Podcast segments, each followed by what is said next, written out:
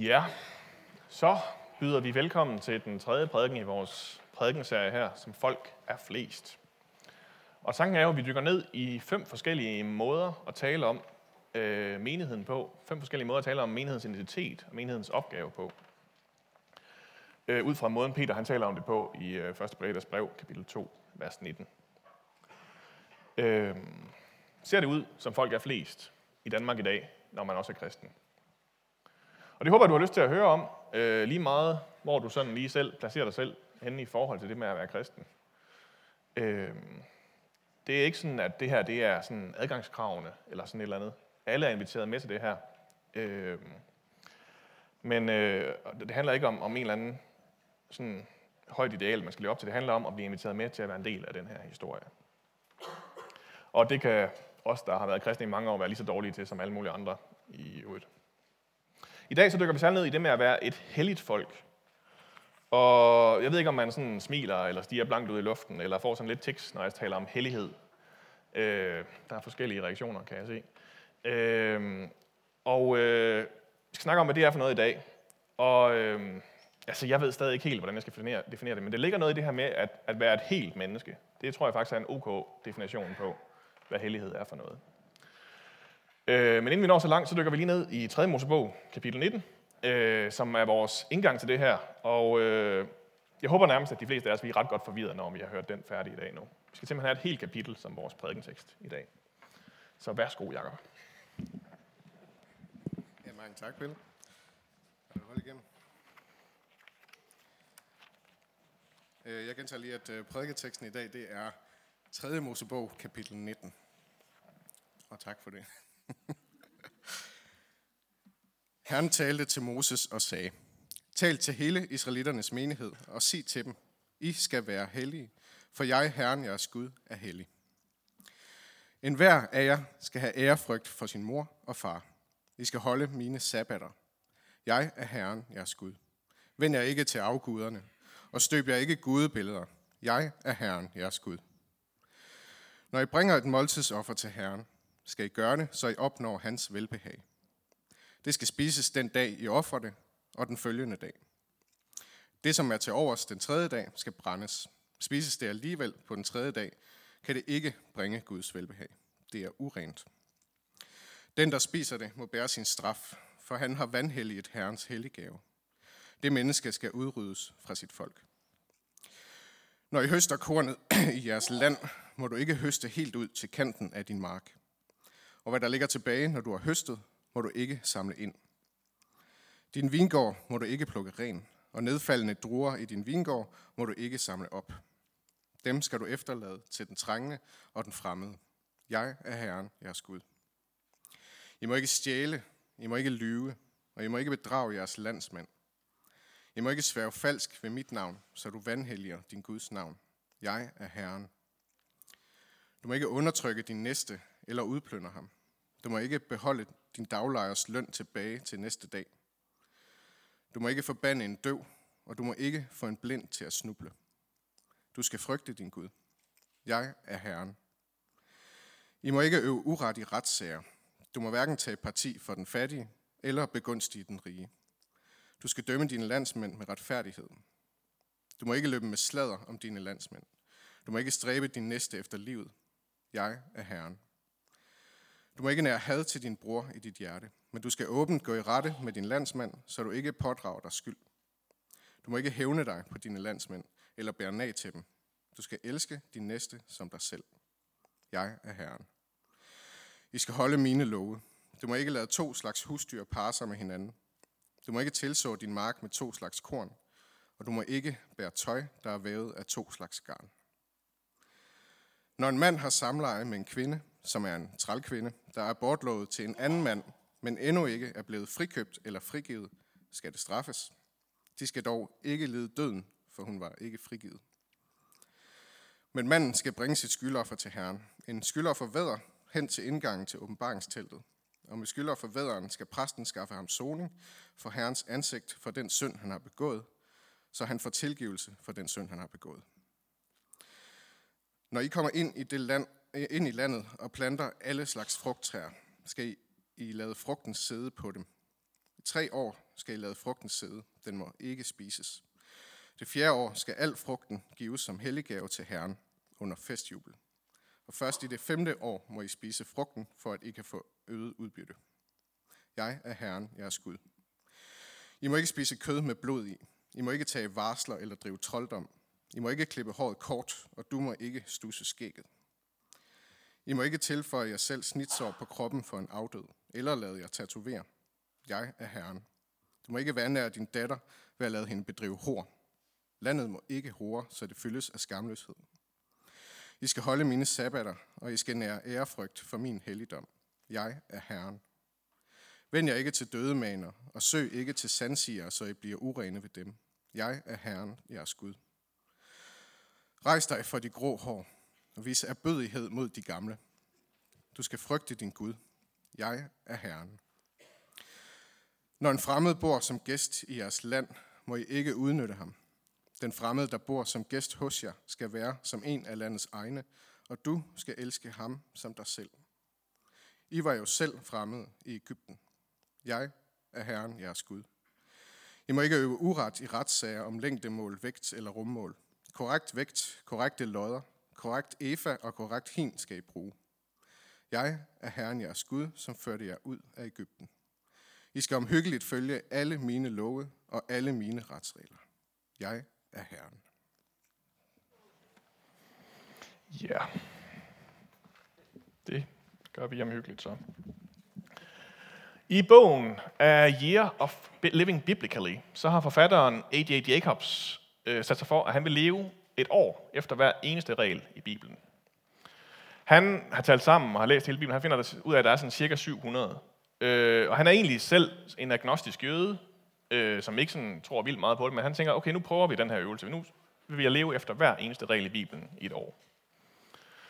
Så det betyder selvfølgelig, at han fulgte, fulgte 3. Mosebog kapitel 19, vers 27 om ikke at stusse sit skæg, øh, eller klippe sit hår. Så han, han ser sådan helt forfærdelig ud, da det her år er omme.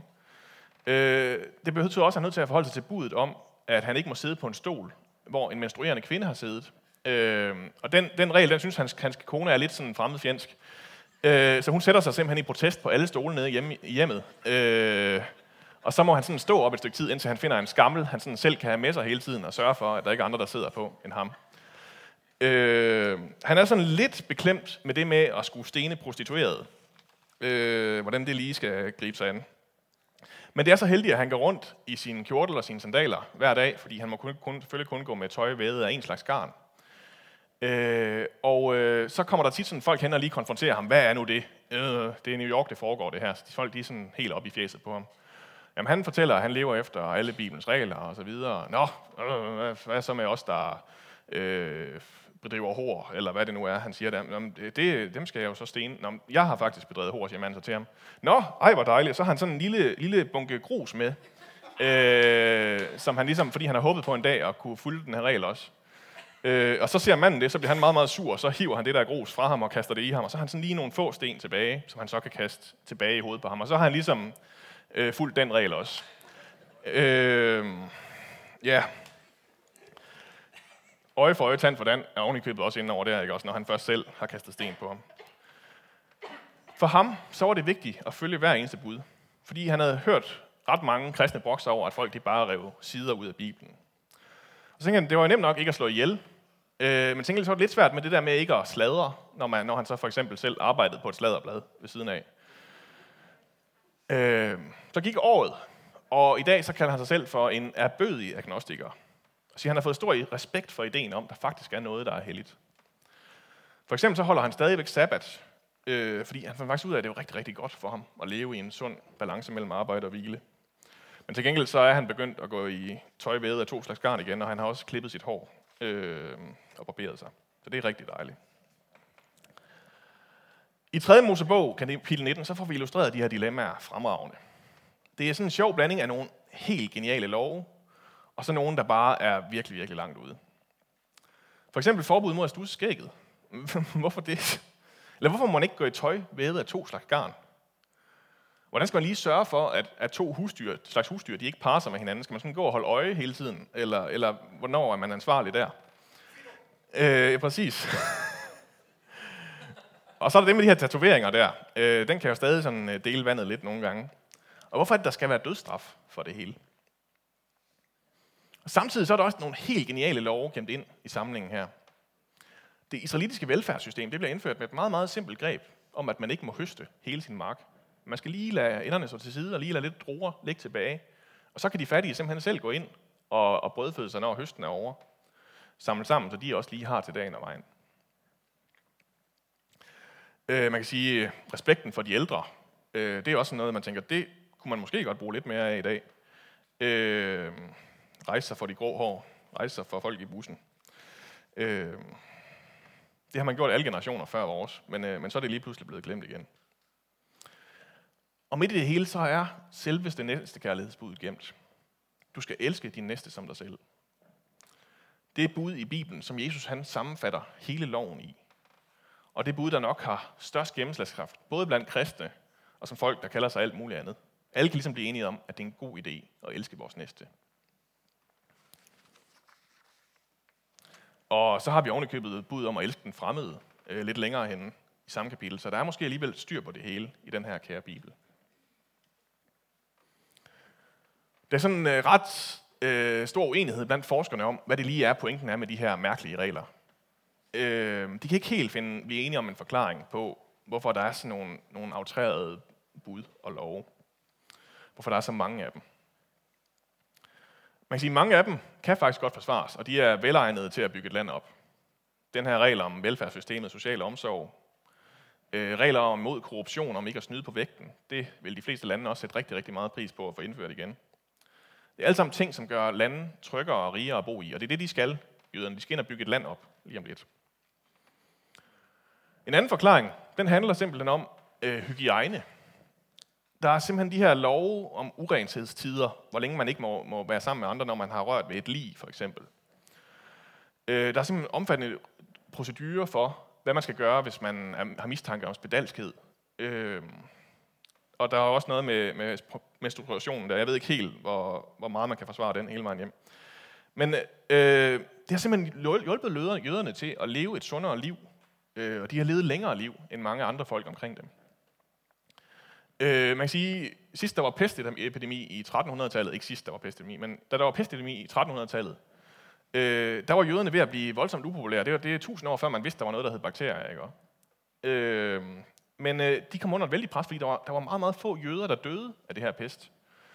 Øh, de boede inde i deres ghettoer, og det var ligesom om, at der ikke rigtig skete noget der. Og folk de tænkte jo selvfølgelig, så må det nok være dem, der har startet det.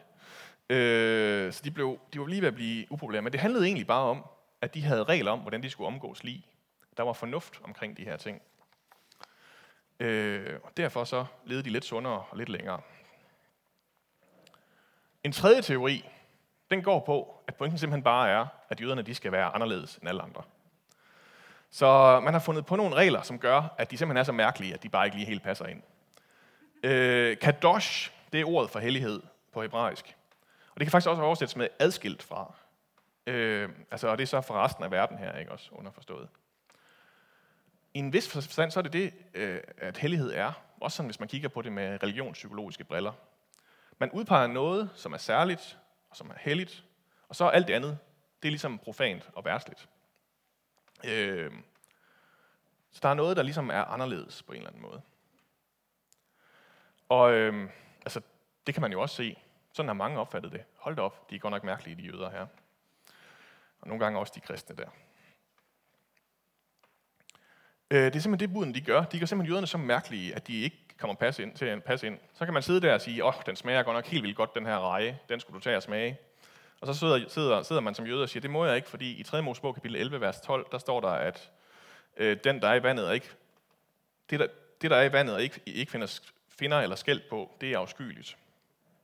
Nå, du skal ellers prøve den her, den her nye kjortel, som er på mode. Den er lige fra Libanon. Den er altså ved af to slags garn, så øh, den må jeg ikke gå i. Det var sådan nogle snakke, som rettroende jøder de var nødt til at tage med folk omkring den. Og det gjorde de jo så velvidende, at, at de aldrig nogensinde ville kunne sådan rigtig forsvare rationelt, hvorfor det er, at de skal følge de her regler. De er ligesom dømt til at tabe de her diskussioner. Øh, det er sådan Gud, han har tænkt, det skulle være åbenbart. Om det så er god reklame for ham, ham eller ej, det, øh, det ved jeg ikke. Så de tre mulige forklaringer, jeg har kunne finde, det er altså, at det enten er for samfundsordens skyld, at det er for hygiejnens skyld, eller det simpelthen er for at gøre dem anderledes, gøre dem mærkelige. Og ingen af de argumenter, de er jo egentlig nødvendigvis helt fremmede, når vi i dag skal tale om, hvad det vil sige at leve helligt. Men øh, det kommer jeg tilbage til senere. Vi har jo lidt et problem med det her med tatoveringerne, kan jeg se, når jeg kigger ud. Øh, og der sidder nogen og tænker, jeg har ikke nogen tatoveringer, jeg er clean, men jeg har simpelthen jeg er mistænkt for at have spist af et frugttræ, inden der var gået fem år. Øh, mange af jer. Øh, så hvad gør vi? Hvad gør vi med vores hellighed her, som vi har brugt? Øh, alle dem, der har gået og spist æbler her. Jøderne, de har det samme problem. Så vi kan lige se, starte med at se på, hvordan de løser det. På Sumet-instituttet, øh, så har de lavet sådan en hel øh, forskningsenhed, som arbejder på at løse jøders problemer med at holde loven. Og det, der særligt kommer i spil, det er jo sådan det der med at holde sabbaten. Øh, hvordan undgår man lige helt at arbejde på en sabbat og holde den hellig? Og øh, jødiske rabbiner, de har jo så fortolket loven i misnagen gennem flere tusinde år. Øh, og øh, de har ligesom også sørget for at holde den opdateret. Så derfor er det også blevet bestemt, at hvis man tænder for noget elektrisk, så bryder man faktisk sabbaten. Øh, det, er, det svarer til at arbejde. Hvis man trykker på en knap, så har man arbejdet. Øh, det samme er det at koge vand. Så det kan hurtigt blive en meget, meget kold og mørk dag hver lørdag, kan I godt se. Men frygt ej, for Somet-instituttet, de har løsningen. For eksempel har de lavet en hot water heater, for som de skriver derinde, øh, hvad nu hvis man skal vaske baby eller vaske tallerkener på sabbaten? Hvad kan man gøre, når der ikke er noget varmt vand øh, at få? Fordi hvis man gør det, så vil man jo øh, bryde loven om at koge vand på en sabbat. Det må man ikke. Jo, øh, så har de lavet sådan en, en, øh, en kogekedel her, eller sådan en, en water heater, hvad siger man, en, en vandvarmer, øh, hvor at, øh, og nu skal jeg lige forstå det, det er meget teknisk det her, øh, at, at problemet er jo det der med, at hvis man så fjernede vand fra en klassisk vandvarmer, så vil termostaten så sige, nu skal der bruges mere vand, og så vil den tage vand ind, og så vil den koge det. Og så har man brudt loven. Og det har de løsningen på her. Øh, de har to, to ting, der skal til. De har installeret en, en undertermostat, som, siger, at, som, som automatisk går ind hver lørdag og siger, at nu må temperaturen maks blive 40 grader.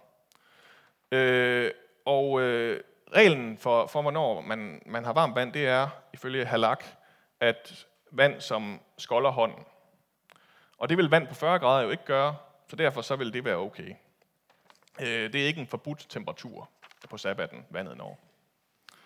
Så har de den anden ting, det er en, en mekanisme, som gør, at der er sådan en, som igen går på hver sabbat.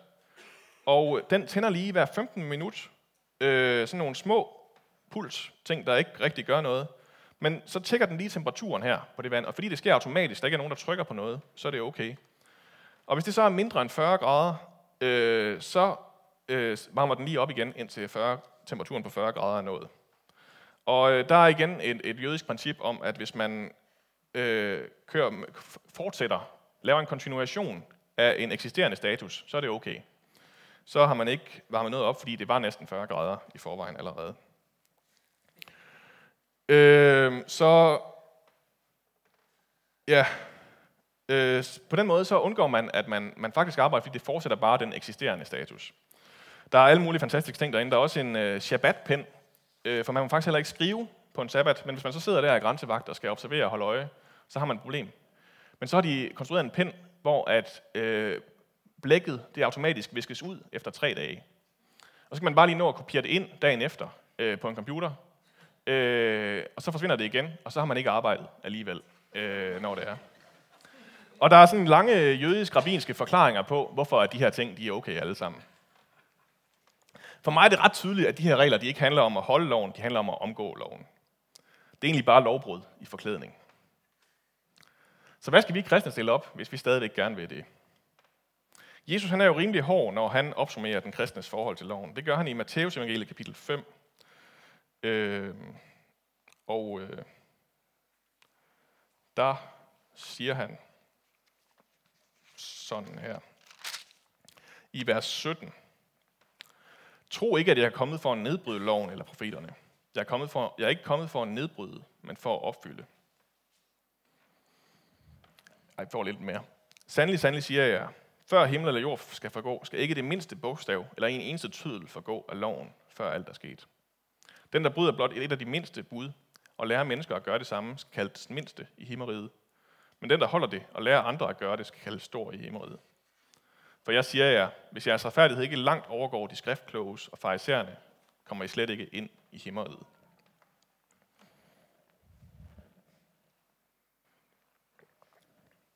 Tro ikke, at jeg er kommet for at nedbryde loven, for at opfylde den. Det virker sådan rimelig klart. Men det er nok også nogle af de mest misforståede vers i Bibelen. Jeg behøver ikke engang rigtig sådan, øh, til at hive græskortene frem nu her. Jeg kan bare forklare det på dansk. At nedbryde, det kunne betyde det samme som, at man vil afskaffe, eller annullere, eller ødelægge. At opfylde, det betyder, at man fuldfører noget, eller man gør noget færdigt. Så hvis vi lige tager en sportsanalogi, så kan en fodboldkamp være aflyst. Så spiller man den slet ikke. Men det kan også være, at den er færdigspillet. Så er den faktisk gennemført.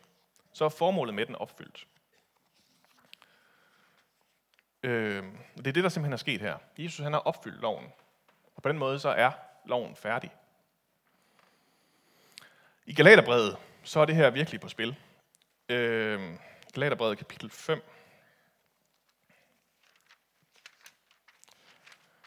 Øh, så siger Paulus sådan her, lige i begyndelsen af kapitlet. Se, jeg, Paulus, siger jer, at hvis I lader jer omskære, vil Kristus intet gavne jer. Jeg vidner om, igen, at enhver, som lader sig omskære, er forpligtet til at holde hele loven. I er afskåret fra Kristus, I der søger at blive retfærdige ved loven. Det er det, Paulus han siger til de her galater, som, som meget gerne vil have lov at, at leve efter reglerne. De vil gerne lige have lov at lade sig omskære. Jeg tænker, det er noget med, hvis man selv er blevet omskåret, så synes man også, at alle andre skal det. Øh, øh, men han siger simpelthen til dem, hvis, hvis, hvis I vil følge den her ene lov, så skal I også følge de 612 andre. Det er det, man traditionelt siger, at der er 613 øh, rabinske love, eller jødiske love, i, når man læser hele Gamle Testamentet igennem. Hvis vi følger en regel, så er der 612 andre, I også hænger på. Nu har jeg jo lovet jer noget kant på den her prædiken, så nu er jeg bange for, at jeg kommer til at afskaffe alt det upopulære igen. Er det sådan, det er? Er det bare et free ride, det hele? Øh, kan vi bare gøre, hvad der passer os fra nu af?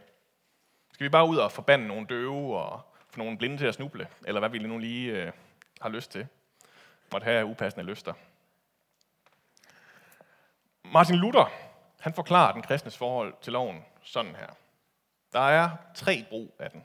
Tre måder at se den på. Den første brug af loven, det er for samfundets skyld. Vi mennesker, vi er onde, og vi opfører os ikke rigtig sådan lige automatisk pænt af os selv. Øh, Luther han, han går så langt som at sige, at vi er onde. Og loven, det er så myndighedernes måde at begrænse skaderne på. Så det er en god regel, at vi ikke må gå rundt og slå hinanden ihjel. Øh, det synes de fleste er rart, selvom nogen af jer skulle have lyst til det en gang imellem. Men det er ligesom bedst, hvis vi lader være, ikke? Øh, så de 10 bud, de kommer ind her, som noget, der stadig holder. Noget, der er godt at bygge et samfund op omkring. Det er godt, vi har et samfund, hvor vi ikke stjæler, hvor vi ikke lyver, og så videre, og så videre. Det er godt, at der er nogen, der griber ind, hvis der er nogen, der går og slår hinanden ihjel. Den anden brug af loven, øh, den handler om, at vi finder ud af, at vi faktisk ikke er helt lige så gode, som vi ellers kunne gå og tro, vi er. Når vi synes, at det går meget godt, ja, så hæver loven lige baren.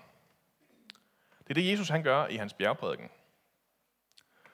Jamen, det går meget godt med ikke at slå folk ihjel, tænker man. Men så siger Jesus, en hver, som bliver vred på sin broder, skal kaldes skyldig af domstolen. Den, der siger, at tåbe skal dømmes til helvedes ild. Man slår faktisk også ihjel med ord, siger Jesus her. Os, der troede, at vi kunne gå og vinke den af og sige, at jeg har i hvert fald ikke slået nogen ihjel. Vi er faktisk også skyldige her. Vi har slået mennesker ihjel på alle mulige andre måder, siger Jesus. Og når vi ligesom opdager det med alt muligt, øh, så finder vi ud af, at vi ikke kan fortjene os til det gode liv. Og så giver vi for, i stedet for Jesus det alt sammen, og tager imod det, som han har fortjent for os. Det er det, der er fidusen med det med helligheden, med det at være et helligt folk. Det er ikke noget, som vi får ved at leve på en eller anden bestemt måde. Det er noget, vi får af Jesus, bare fordi han vil det. Han skænker os helligheden, og ellers så vil vi slet ikke have den. Og så kommer den tredje bro.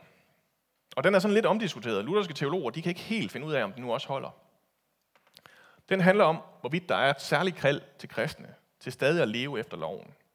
Lige leve lidt ekstra helligt end resten af samfundet. Jeg kan godt se, at det kommer lidt i klasse med det her med Galaterbrevet. Øh, og så har vi et yderligere problem, hvis det med frugttagerne og det med tatoveringerne, det stadig er i spil. Øh, jeg tænker, at der på en eller anden måde er noget om det her med den tredje bro. Men man skal godt nok lige holde tungen lige i munden her. I må lige love mig, at I lytter godt efter og ikke øh, misforstår det, jeg siger. Loven, den er nemlig afskaffet. Til gengæld, så har vi i stedet for fået et kald til at følge efter Jesus. Til at gå i hans fodspor. Og i Matteus kapitel 16, så forklarer han det sådan her.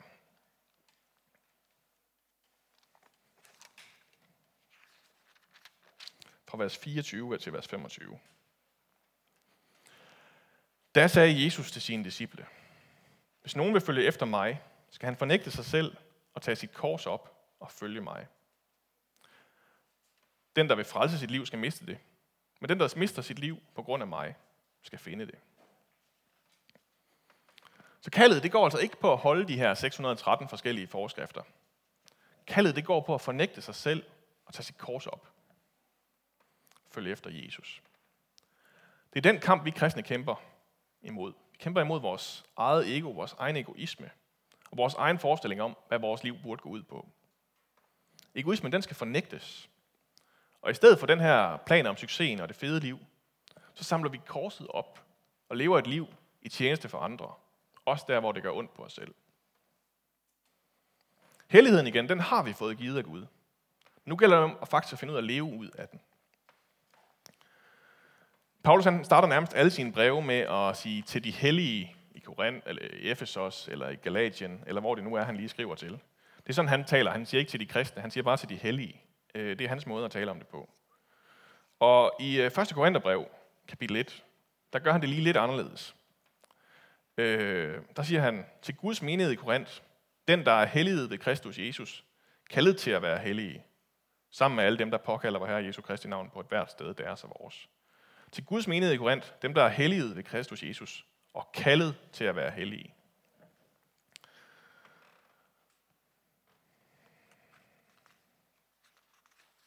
Kaldet til at være hellige. Så det han siger, det er, I er allerede hellige. Så så vær det da. Prøv at finde ud af at leve ud af den her sandhed.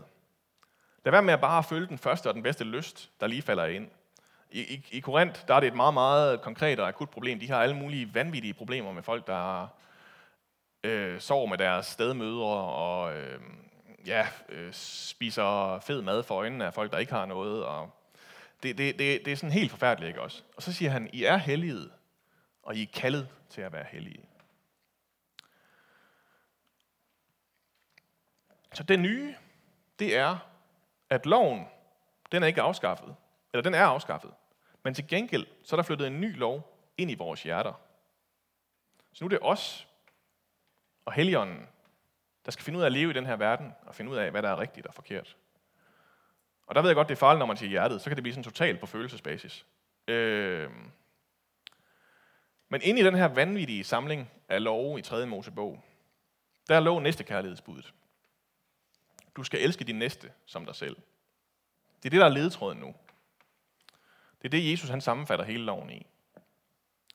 Vi har et radikalt kald til at elske mennesker omkring os. Lige så meget, hverken mere eller hverken mindre, som vi elsker os selv. Det er en helt vanvittig tanke, og det er der faktisk ikke nogen, der kan. Den her næste kærlighed, den er bundradikal, og den er altomfavnende.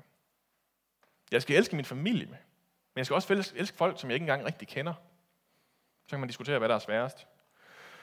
Jeg skal elske den fremmede, Øh, jeg skal også elske ham, som hader den fremmede. Jeg skal elske mine venner og mine fjender.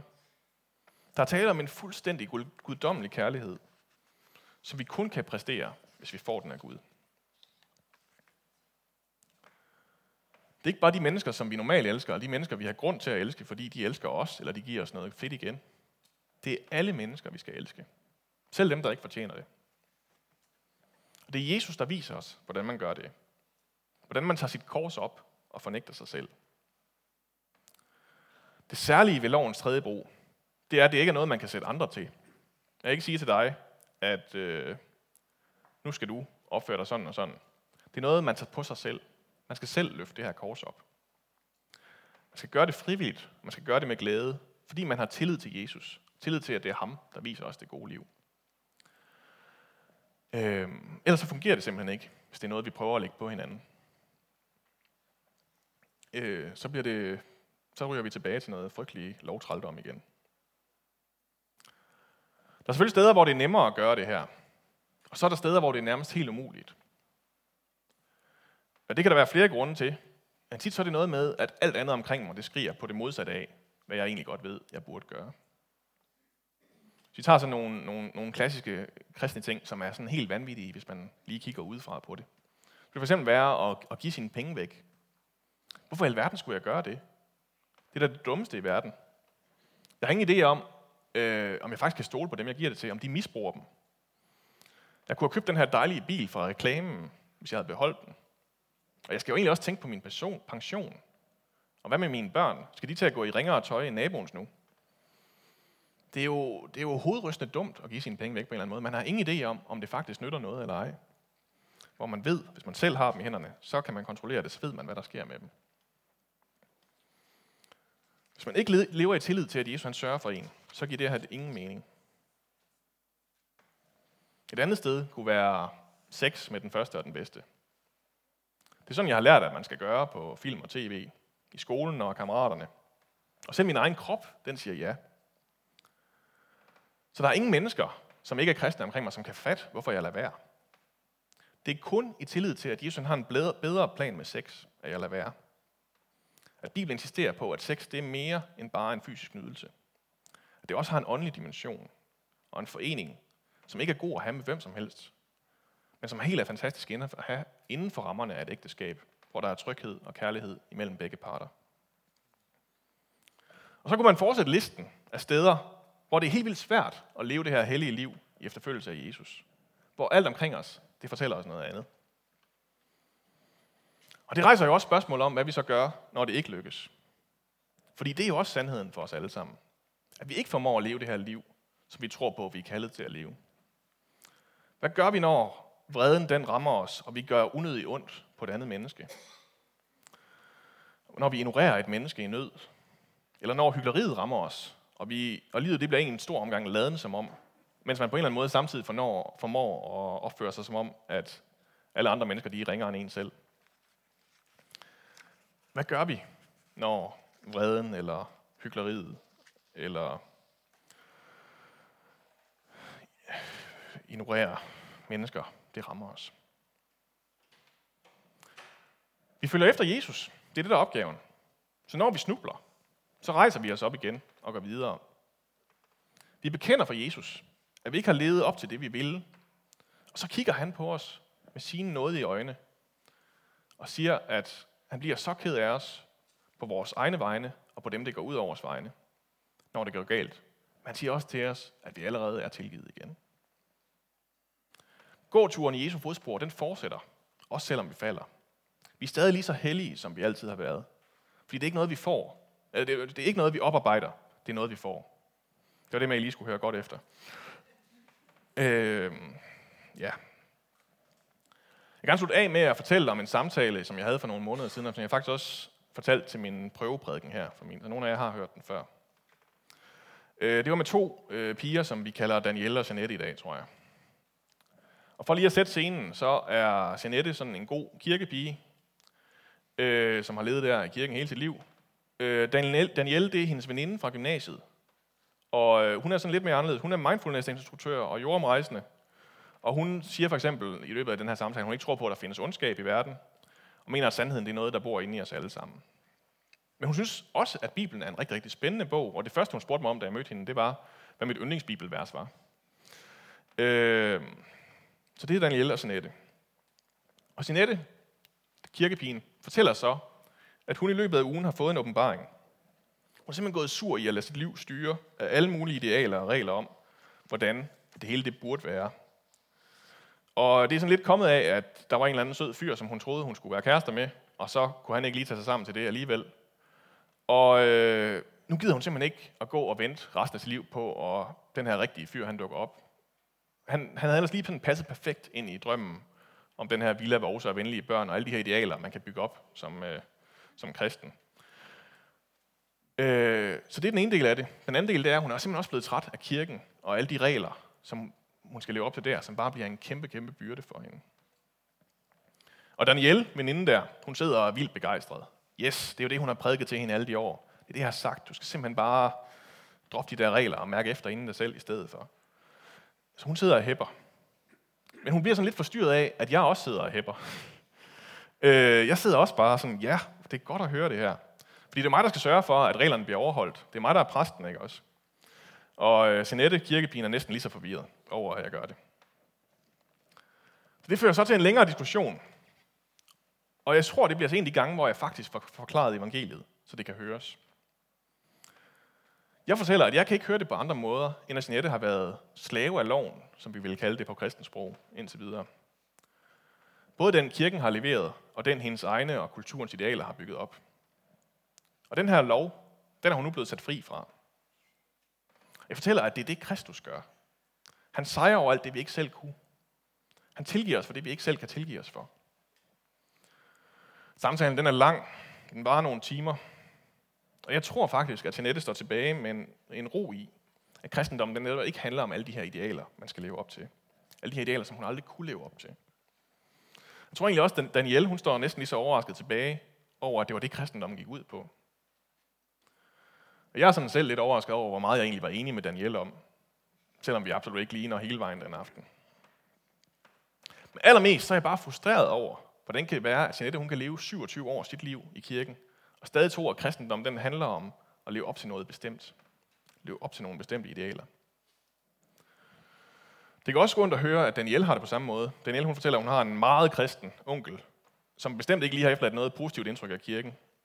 Øh, hun har gået på højskole og alt muligt. Og hun har egentlig følt, at hun havde fint styr på det. Hvordan kan det være, at man kan leve hele sit liv som kristen, uden at have hørt evangeliet? Hvordan kan det være, at man kan have blevet prædiket for af kristne hele sit liv, uden at have hørt evangeliet? Jeg håber, det jeg har hørt i dag, det er, at helligheden det ikke er noget, som vi selv skal præstere. Det er noget, vi får af Gud. Og det er det, der giver mig lyst til at leve ud af den hellighed.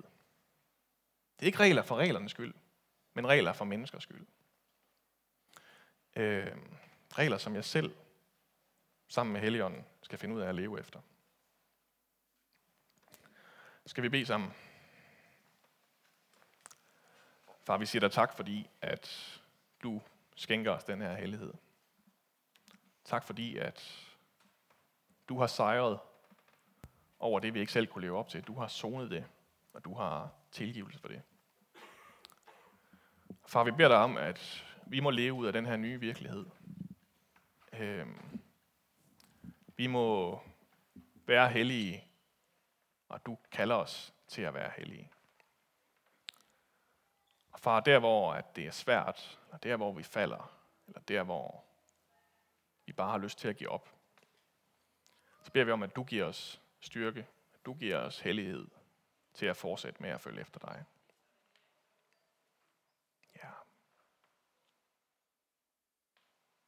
Kom med din ånd, far. Ellers så kan vi ingenting. Amen. Øhm, efter nadver, så er der selvfølgelig mulighed for et for over i... Øh, øh, ikke efter nadver, efter den her sang. Over i... Øh, øh, hvad kalder vi den? Buret derovre. øhm, og øh, det kan godt være, at øh, der er noget i dag, som øh, har gjort ondt, eller som du har tænkt, ah, det forstår jeg simpelthen ikke, hvad han mener med. Øh, hvor at du mærker, at der er, der er noget modstand i dig her. Og der håber jeg, at du, øh, i stedet for bare at lade dig overmande den modstand, vil gå over og snakke lidt med nogen om det, og bede til Gud om det, og finde ud af, om der faktisk er noget, du skal til at lave om på. Øh, det kan også være, at du har prøvet at følge alt for meget efter alle de her regler.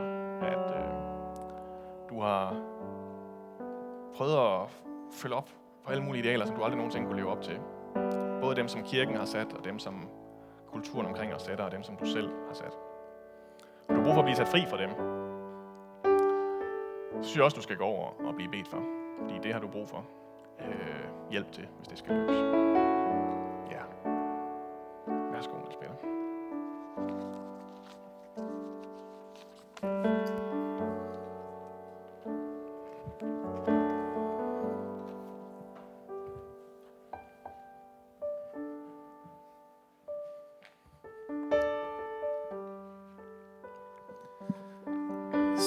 Er det, man bare rejser sig op og går, går efter Jesus? Det kan for mig være øh, sangen eller musikken, som det sted, hvor jeg ligesom har fornemmelsen af, at jeg kan rejse mig op igen, eller sådan møde Gud. Og det vil vi gerne sådan invitere ind i en sang, hvor man enten kan lukke øjnene, eller man kan sådan tænke videre over, hvad var det Pelle sagde. Og så kan man måske sådan give det videre til Gud øh, på en eller anden måde. Sige, Gud, vil du ikke øh, være i det her? Må jeg ikke komme tættere på dig, Gud? Vil du ikke lære mig lidt mere om din kærlighed? Din kærlighed for min nabo, for den fremmede, og din kærlighed for mig. At du elsker mig så meget. Så det vil vi invitere øh, jer ind i, i den her sang, som vi skal synge.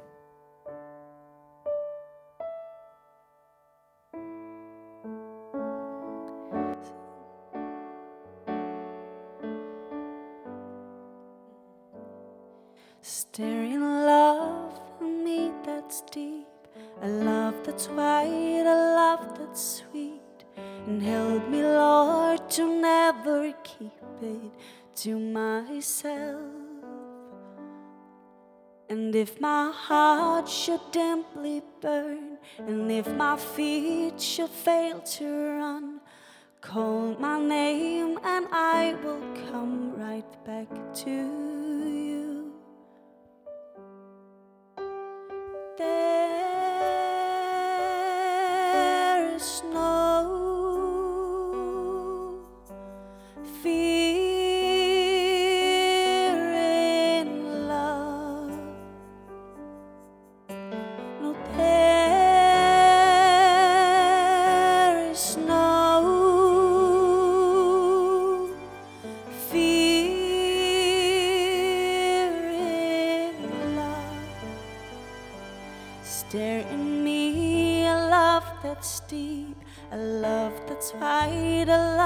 Sweet.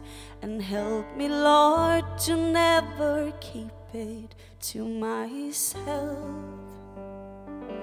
And if my heart should dimply burn, and if my feet should fail to run, call my name and I will come right back to you.